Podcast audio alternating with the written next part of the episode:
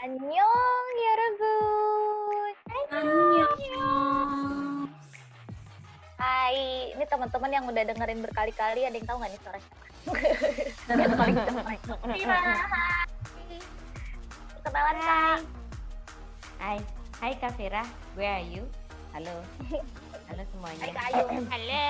Halo, gue Afif. Halo semua Hai. yang Yorobun. Hai, Hai Kak Fit. Hai Kak Hai guys. Hai Anyong Yorobun. Aku Oni. Hai, Kak Tony. Anyong Yorobun. Anyong Yorobun. Anyong. Jadi kita kan eh, episode sebelumnya sebelum ini ya persis kita ngebahas tentang prestasi prestasi di single eh, Dynamite yang kemarin memecahkan rekor eh, di nomor satu ya Billboard Hot Yep. 100 sebagai artis Asia pertama setelah 53 tahun berjalan 57, 57, 57 tahun. Wow. berjalan BTS menjadi eh, artis Asia berikutnya yang memecahkan rekor ini eh, dengan lagu Dynamite ya guys ya. Jadi eh, semua itu ternyata tidak ujuk-ujuk nyampe di atas sana ternyata kan seperti yang dijelasin sama Kak Afid juga di episode sebelumnya tentang perjalanan lagu-lagu BTS di eh, Hot 100 jadi yang nggak tak ya bagi yang teman-teman yang kurang familiar apa sih Hot 100 Hot 100 itu charting Billboard yang isinya eh, berupa lagu-lagu eh, tracks tracks artis. Jadi single singlesnya tuh ada masuk situ. Nah bedanya nanti yang ini aku jelasin adalah Billboard 200 Billboard 200 ini charting album. Jadi bedanya sama si Hot 100 yang meliputi Dynamite tadi kalau Billboard 200 ini isinya album-album jadi bukan single album. Jadi Billboard 200 itu adalah charting album di Billboard berdasarkan standar industri meliputi genre apa pun baik album baru maupun album katalog. Yang disebut album katalog itu menurut Billboard adalah album-album yang berusia lebih dari 18 ni- eh, 18 bulan. Jadi satu setengah tahun walaupun udah lewat satu setengah tahun album itu tersebut setelah rilis mereka tetap bisa masuk dalam charting ini kalau memang nyampe gitu ininya eh, jualan pen- penjualannya. Terus juga Billboard 200 ini meliputi data dari on demand streaming services. Tuh termasuk mungkin uh, iTunes, uh, Apple Music, lalala, uh, Spotify dan lain-lain itu juga masuk ke dalam perhitungan ini. Nah jadi BTS itu kemarin kalau ada yang pernah tahu BTS itu memecahkan rekor The Beatles yang da- uh, jadi BTS tuh berhasil merilis tiga album yang mencapai number one di Billboard 200 ini sebanyak tiga buah album yang dirilis dalam waktu kurang dari satu tahun. Rekor ini tuh sebelumnya dipegang oleh The Beatles. Ada yang tahu The Beatles tahun berapa ya? Aduh, The Beatles 60, 70, Tahun 60, 60-an. 80, 60. 60. 60-an ya? Hmm, 60-an. sampai Setelah 70, 80. Iya, setelah 40 ya hampir 50 eh, 50 tahun berikutnya berarti ya. 50 tahun berikutnya akhirnya BTS memecahkan rekor ini lagi, memegang ya, eh, dia mereka ngerilis tiga album dalam waktu dalam kurun waktu kurang dari satu tahun yaitu 11 bulan, persis 11 bulan mereka ngerilis tiga buah album yang masuk ke nomor wa- nomor satu di Billboard 200 ini. Tapi semua itu tuh nggak ujuk-ujuk aja. Yang aku pengen jelasin di sini adalah eh, history sejarah album-album BTS yang pernah masuk ke Billboard 200 ini itu ternyata udah ada semenjak tahun 2015. Jadi di tahun 2015 itu mereka udah nyampe masuk album pertama mereka di Billboard 200 ini. Itu yang merupakan adalah bagi bagi artis K-pop apalagi untuk BTS yang waktu itu masih kecil banget ya dari company yang kecil masuk Big Three aja enggak gitu ya mau mau bangkrut waktu debutnya hal ini tuh kayak mereka bisa masuk Billboard 200 itu udah sesuatu yang besar banget buat mereka gitu. Jadi di tahun 2015, tepatnya bulan November itu eh sorry bulan Desember. Jadi albumnya rilis November 2015. Desembernya album The Most Beautiful Moment in Life Part 2. Kalau teman-teman ingat ini era-era Run, Butterfly, Bebse. Nah, album ini tuh yang masuk di Billboard 200 dengan peringkat 171. Ini udah cukup besar buat BTS di saat itu ya. Kemudian tahun 2016, tepatnya bulan Mei, waktu itu dengan peringkat 107 masuk album The Most Beautiful Moment in Life yang Forever. Ingat ya guys ya lagu yang Forever We Are Young. Mm, itu masuk di situ terus Fire, Fire itu. Wah, alarm Save gue tuh itu alarm gue. itu langsung melek tuh gak punya alarm langsung melek seriusan itu era-era Fire, Save Me, yang Forever, ada juga di ini tuh dia sebenarnya album repackage-nya Most Beautiful Moment in Life Part 1 Part 2. Jadi adalnya juga ada Run, Butterfly, I Need You, Dope, Converse High, ini semua masuk ke era ini. Tahun 2016 masih di tahun yang sama yang tadi Mei ya, yang sekarang Oktober album Wings mereka yaitu lagu Blood, Sweat and Tears, True Set, uh, Two Three lagu aduh lagu kebangsaan kita Ah. berempat ya Suicide Kebangsaan Cypher kita. 4 itu di album Wings ini nih masuk di peringkat 26 Cukup tinggi ya guys ya ini Billboard 200 loh. Dan ini tahun 2016 dari peringkat 107 mereka naik ke peringkat 26 di tahun di tahun yang sama. Beda dari Mei ke Oktober tuh. Beda berapa bulan? Lima bulan doang. Mereka langsung naik melesat ke atas nomor 26 setelah itu tahun 2017 masuk lagi album mereka di peringkat 61 You Never Walk Alone masa-masanya Spring Day, Not Today itu semua masuk album ini 2017 terus masih di tahun yang sama 2017 bulan Oktobernya masuk lagi ke peringkat nomor 7 guys nomor 7 album Love Yourself Her zaman DNA Mic Drop Oh, masuk nomor 7 di situ 2017. Perlahan ya. Kemudian tahun 2018 masuk lagi album Face Yourself. Ini album Jepang mereka yang Crystal Snow, Let's Iya. Go, terus lagu-lagu title track mereka tapi versi Jepangnya. Mm-mm, itu masuk ke peringkat 43. Kemudian bulan Juni 2018, nah ini pertama kalinya mereka dapat nomor satu di Billboard 200 dengan album mereka Love Yourself Tear. Itu era-era Fake Love, terus Untold, Magic Shop. Ini mereka pertama kali yang masuk nomor satu di sini. Love Yourself Tear ini, aduh lima tebel banget ya pokoknya. lima tahun ya setelah mereka debut, akhirnya mereka dapat number one 200 Billboard. Gila-gila. Bangga banget Terus berikutnya masih di tahun yang sama guys, mereka dapat nomor satu lagi dengan album Love Yourself Answer, zaman zamannya Idol, lagu Idol. Ini ini jadi puncak-puncak karir mereka nih masa-masa keemasan. Nomor satu lagi di bulan September. Jadi yang tadi Love Yourself Tear di bulan Juni, Septembernya yaitu tiga bulan kemudian mereka udah rilis lagi album yang masuk nomor satu lagi. Gila gak sih? Parah sih beda tiga bulan. Kemudian setelah September ini, kemudian bulan April tahun berikutnya, belum nyampe satu tahun ya, bulan April berikutnya dapat lagi nomor satu guys dengan Wow. album Map of the Soul Persona. Jadi dalam jarak Juni 2018 sampai April 2019 yaitu kurang lebih 11 bulan mereka udah ngerilis tiga album dengan yang mencapai rekor nomor satu di Billboard 200 dan karena inilah mereka eh, akhirnya dibandingin bandingin sama The Beatles karena mereka me- memecahkan rekornya The Beatles di zaman itu. Wah. tiga tiga album nomor satu.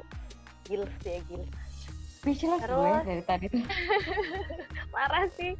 Terus itu no- tahun 2019 ya dengan album Map of the Soul Persona masuk nomor satu. Kemudian di bulan Februari 2020 mereka ngerilis album Map of the Soul 7 yang juga masuk nomor satu guys. Tetap nomor satu. Jadi akhirnya mereka officially mereka punya empat album nomor satu di Billboard 200 which is a huge deal for any artist in the world. Karena nggak banyak dan mungkin ini artis kedua emang artis kedua yang punya rekor seperti ini setelah The Beatles mereka. The Beatles tuh tiga album loh ya dalam satu eh, kurang dari satu tahun ya mereka nambah lagi nih satu album lagi di bulan Maret 7 Maret 2020 dinobatkan sebagai album nomor satu di Billboard 200 yang isinya zaman kemarin ya Black Swan, Iya. Louder Than Bombs, Zero O'Clock, on filter on the ya Bulletproof the Eternal Friends. Yoi semua lagu itu yang bener-bener deh di album itu nggak ada lagu yang aku nggak suka nggak ada yang aku list semuanya favorite kita ada. suka. Iya.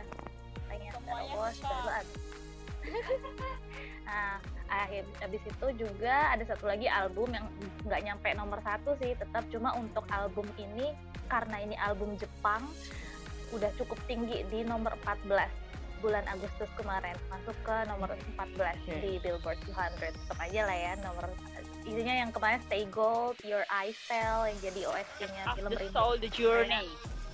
Hmm, Map of the Soul, Seven the Journey. Gitu guys. Jadi semuanya tuh nggak ada ujuk-ujuk. Jadi bagi teman-teman yang mungkin nggak tahu BTS tahunya pas udah di atas gini sebenarnya mereka perjalanannya udah panjang banget. Dari awal tuh mereka dari tahun 2012 mereka udah masuk sebenarnya ke Billboard 200 dan itu yang membuktikan bahwa musik mereka tuh nggak ece-ece guys gak mungkin masuk Billboard 200 sealbum kalau kualitasnya rendah Ya, Itu benar-benar from banget. from zero to hero banget sih ya. Dari mulai mereka uh, bikin konser itu tuh nebar-nebarin itu flyers. Player. Bilang konser gue Konser- gra- gratis konser loh. gratis dateng dong dateng dong nanti kita kayak nggak gitu. perlu "Oh, uang ah, kita nggak gratis." perlu uangnya kok gitu kita konsernya gratis Itu itu benar-benar aduh. dan mereka Kalian sekarang memecahkan Guinness World Record dengan konser virtual terbesar yang itu kalau di total-total sama kayak 15 stadium secara. Berkapasitas Iya, 50 ribu orang. kapasitas Secara 50 ribu serempak. orang. Satu 50 kali stadium, 50 ribu dikali 15 stadium oke 15 75 ribu 750 Oke, Pak. 750 ribu penonton secara serentak loh ya. Gila. Itu, itu, itu, belum itu yang termasuk sama ling-ling haram ya mohon Nah, maaf itu belum ling haram haram. mungkin jauh jauh lebih banyak lagi kita nyebutnya ling haram parah sih parah. cung tolong acung gue Belum ngacung termasuk link haram. Belum termasuk link haram streaming streaming haram itu banyak banget itu Parah sih. Itu dua banyak kali lipat. banget. Kebayang nggak mereka yang yang dulunya buat- bagi-bagian konser gratis ya? Iya, sekarang Jadi- Gila sih, gila sih. luar biasa. mau bayar berapapun gue tonton gue ke sana gitu Amin, amin. Allahumma amin Amin. ya Allah. Amin, amin. Gue sampai Financial freedom ya tahu guys, mau ngomong amin. apa. Pokoknya kalau udah BTS prestasinya udah gue nggak tahu mau ngomong apaan. Gue karena melotot udah kayak wow gue terpukau. Dan satu Nggak lagi nih guys, dibantah tadi ya? kan kita Iya. ngomongin Billboard 200 ya. Ini ada lagi charting sebenarnya tapi nggak banyak diomongin sebenarnya di Billboard. Jadi ada charting namanya Billboard World Albums. Isinya cuma 15 doang isinya, isi album yang bisa masuk ke dalam sini. Dan di tahun 2000, kalau nggak salah 2018 atau 2015 gitu ya, di antara 15 ini sembilannya, eh sorry, tujuhnya album BTS semua. wow World album. Gila. Parah. gilingan pokoknya itu ini parah banget sih kalau mau bicara tentang Guinness World Records ya guys kalau di Guinness World Records itu pertama di awal di 2018 mereka pertama kali dapat uh, Guinness World Records itu sebagai uh, the uh, most tri- Twitter engagement by a band dan overall jadi nggak cuma sebagai band tapi overall account di Twitter mereka uh, Twitter engagementnya paling tinggi. Yang sebelumnya dipegang rekornya oleh uh, One Direction Harry Styles dengan Twitter engagement sejumlah 147 ribu. BTS akhirnya memecahkan rekor itu dengan 330 ribu engagement di Twitter. Hmm. dua kali lipat lebih dari dua kali lipat. Kemudian juga di tahun itu mereka jadi uh, first K-pop act, jadi artis artis K-pop pertama yang mencapai nomor satu di US album charts dengan album Love Yourself Here yang tadi aku sebutin di 200, Billboard 200. Kemudian juga first K-pop act yang mencapai nomor satu di US Artist 100 itu di bulan Juni 2018. Kemudian dengan music video Idol waktu itu mereka memecahkan rekor musik video yang paling banyak ditonton sebanyak 45 juta views dalam waktu 24 jam yang Wow. mengalahkan lagunya Taylor Swift waktu itu Look What You Made Me Do dengan jumlah 43 juta view. Dan juga di tahun berikutnya dengan MV mereka yang berikutnya Boy With Love kembali memecahkan mecahin rekornya sendiri ya lagi-lagi mecahin rekornya sendiri dalam waktu 24 jam itu memecahkan tiga rekor Guinness World Record pertama yaitu most viewed jadi uh, video YouTube secara umum yang paling banyak ditonton dalam 24 jam yaitu dengan 74,6 juta views dia juga masuk kategori Guinness World Record uh, video musik yang paling banyak ditonton di YouTube, kemudian juga video musik yang banyak-banyak ditonton, video musik K-pop group yang paling banyak ditonton dalam waktu 24 jam. Jadi dalam tiga kategori itu mereka memecahkan Guinness World Record tahun 2019. Kemudian di tahun 2020 ini ketika kita mulai pandemi ini belum nyampe setengah tahun ya, eh, kita udah eh, baru lewat setengah tahun dikit, mereka udah mecahin lagi rekor eh, konser musik live stream atau virtual online performance dengan penonton terbanyak tadi ya 750 ribu orang secara serentak di seluruh dunia yang equal to sama dengan 15 stadium berkapasitas 50 ribu orang secara serentak di bulan Juni 2020 kemarin. Belum yang link haram ya guys. Iya, yang tadi kita sebutin link haram. Gak usah tersinggung buat army-army yang ngedengerin gak usah tersinggung. Ada temennya kok di sini. Yo, Kita doain kita juga- semua army bisa reach biar bisa nonton dengan legal ya. Iya, dan bisa nonton langsung performance-nya mereka. Amin. Amin. amin, amin. Kalian eh, army-army modal kuota nggak sendirian kok guys. Army modal kuota tuh Eh, kemarin tuh Terbesar gara-gara kalian loh.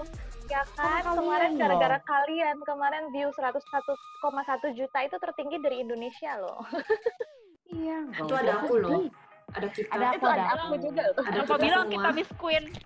Siapa bilang Yoi. kita Miss Queen? Hobinya ngumbar-ngumbarin kuota. Apa itu uang beli-beli jajan? Beli kuota kita mah. Kan quote eh, kan eh, ini apa namanya? quote kita kayak Yunggi di lirik di Desita ya. Waktu gue lebih mahal daripada uang. Ah. Waktu kita dipakai buat Iya. gitu. Terus ada dua lagi nih rekor Guinness World Record eh, K-pop X dengan penghasilan tertinggi di tahun 2020. BTS yang pegang, kemudian juga yang terbaru Dynamite Music Video masuk most viewed YouTube video in 24 hours dengan view 101,1 juta. Officially diumumkan oleh YouTube kemarin ya. Nggak ngerti lagi mereka mecahin rekornya sendiri tiap tahun dari 2018 yang ngalahin Idol dikalahin sama Boy With Love, Boy With Love dikalahin sama Dynamite. terus aja, Gitu aja terus, gitu aja gitu terus. aja terus. Mereka sebenarnya ngalahin rekor mereka sendiri. Mm-mm. Yes, benar. Dan dengan gitu mereka tetap aja ya kerja kerasnya mah nggak berkurang ya. Secara nggak sadar tuh mereka bukan nyari duit loh, tapi du- duit yang nyari mereka ya nggak sih? Nah. Yes. Duit itu sekarang tuh kayak berkata-kata, mana ya BTS ya? Mana ya BTS ya? Aduh. Nyamperin. Gila. Ada. Parah, parah, parah. Terus kaunya ada yang mau ditambahin? Eh, itu sih kalau aku tadi tuh nyari data-datanya rekor-rekor yang dilakukan oh, oleh artis-artis sebelumnya yang tahu kalau dari Korea sendiri itu kan saya sebelum BTS ini saya juga udah duluan yang dia udah mecahin rekor sebagai artis. File, uh, uh, artis Asia pertama yang mendapatkan 1 M viewer di YouTube.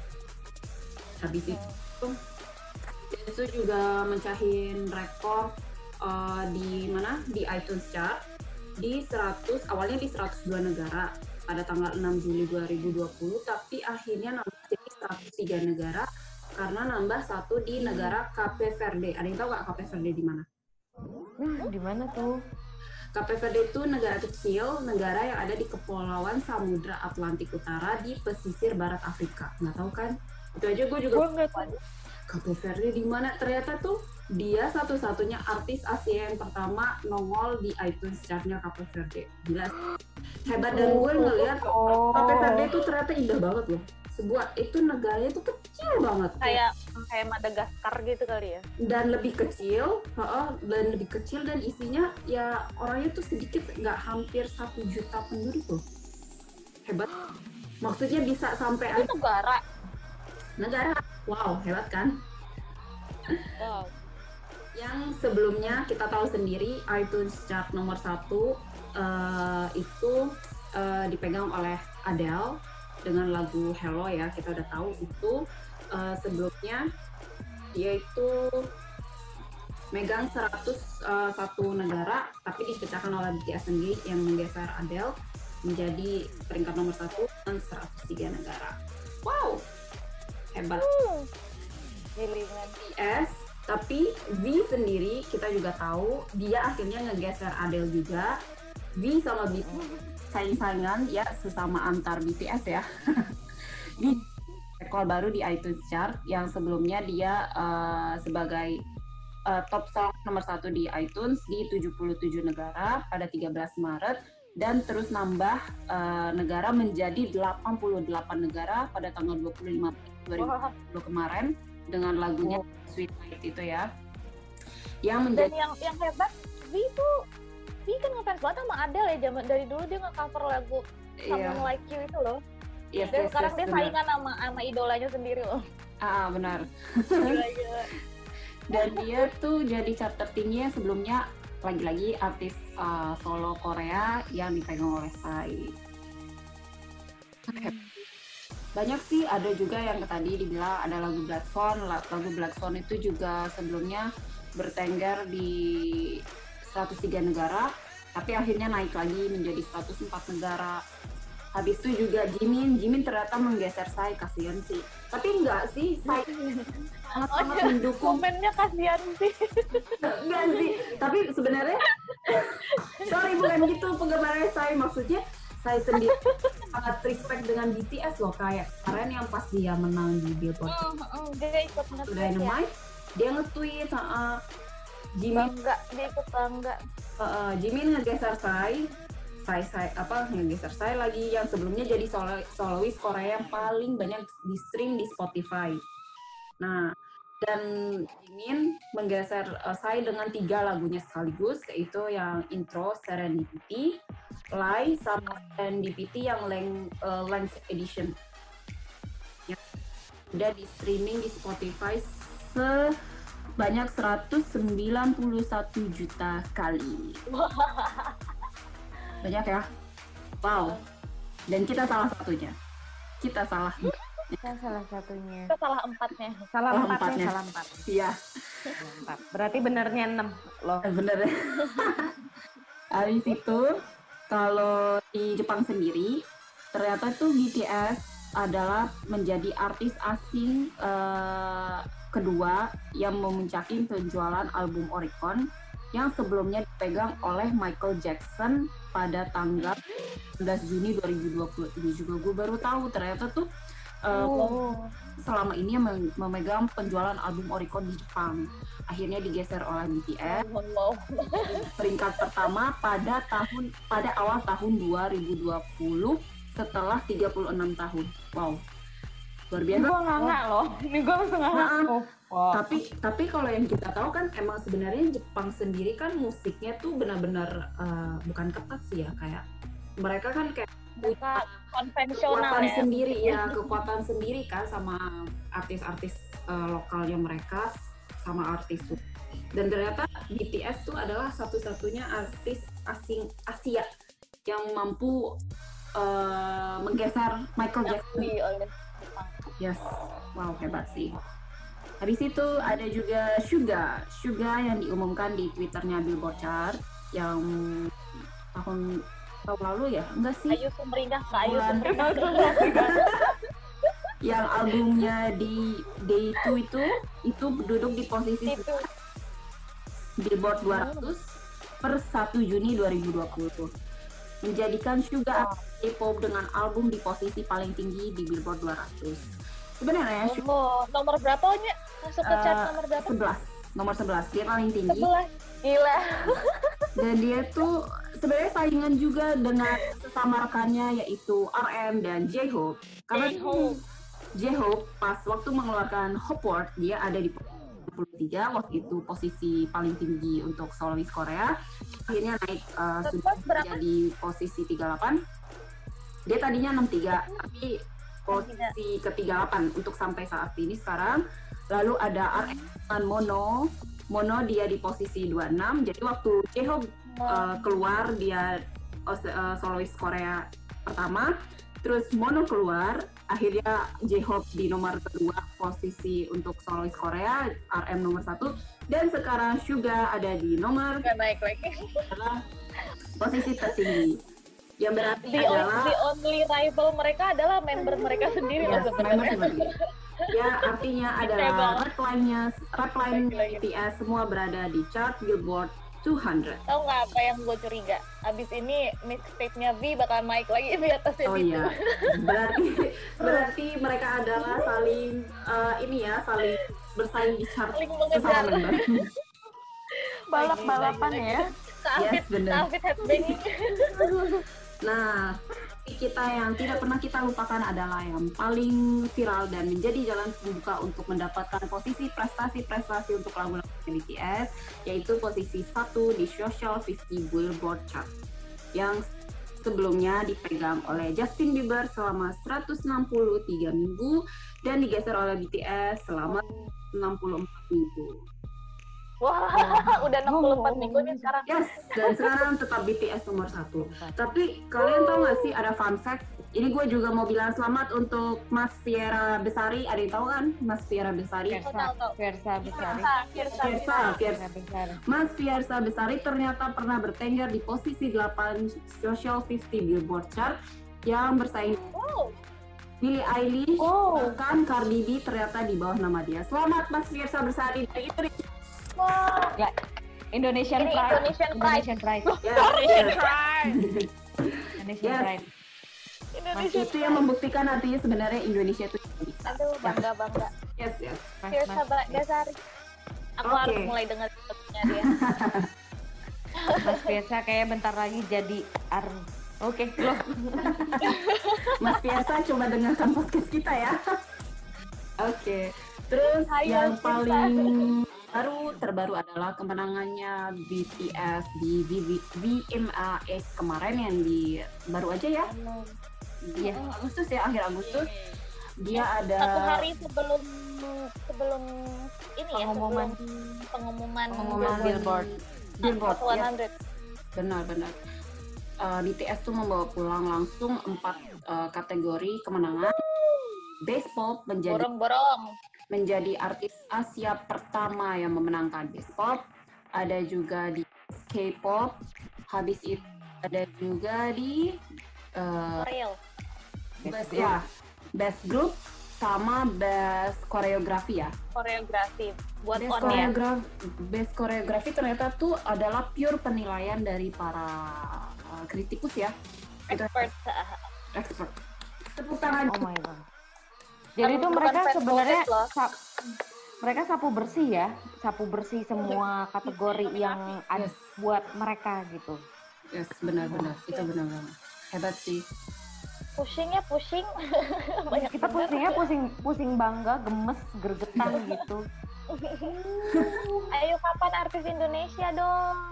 Yes, kita pasti bisa sih. Mudah-mudahan ini jadi Intinya- jadi ini ya, jadi bakar semangat artis Indonesia biar bisa gitu juga. Intinya sih mungkin banyak orang yang shock kayak kenapa ya BTS bisa sampai segini besarnya. Ada yang bilang, oh iya sih karena dukungan fansnya di Twitter, polling atau apalah. Tapi sebenarnya menurut gue justru fans itu adalah sumber utama emang benar sumber utama keberhasilan seorang artis itu ya dari fansnya sendiri gitu kan. Jadi mungkin eh, fans-fansnya yang di luar sana kayak artis-artis Indonesia gue yakin pasti bisa sih kalau getol juga ikut men, apa sih mempromosikan artis-artisnya. Contohnya kayak Fiera, eh, Mas Fiersa Besari tuh pas gue baca ternyata tuh dia tuh kenapa bisa jadi bertengger di posisi 8 social 50 chart itu? Ternyata karena dia tuh banyak engagement fansnya juga di Twitter Nah, itu tuh itu salah satu Ya, itu salah satu yes. BTS juga soalnya.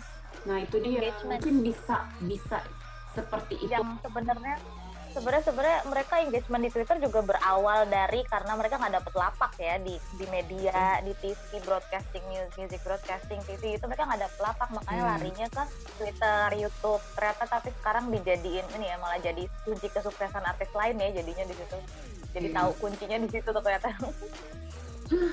Ya, gitulah padahal as- awalnya BTS kayak gitu bu- karena situasi memaksa bukan karena mau tapi karena situasi memaksa juga ya karena mereka nggak bisa promosi nggak bisa promosi banyak nggak punya masalah kekuatan biaya media. juga ya masalah biaya, Biaya juga, juga. saat itu Karena Iya. bayangin aja mereka tuh kan perusahaan Big Hit pada saat itu hampir bangkrut ya boleh dibilang underdog juga dan kasarnya ya mendingan uangnya itu kita pakai untuk misalnya untuk eh, baju apa baju-baju mereka wardrobe mereka untuk manggung di mana apalah segala macem kayak gitu. kan juga semua butuh ini ya. Padahal kan Big Hit tuh udah berdiri dari tahun 2005 ya ternyata. Selama 8 tahun tuh mereka udah yang ngos-ngosan. Bang Siok tuh udah ngos-ngosan ya tetap aja nggak berdapat banyak keuntungan ya waktu itu udah sempet kan sempet ngedebutin grup juga girl group ya waktu itu.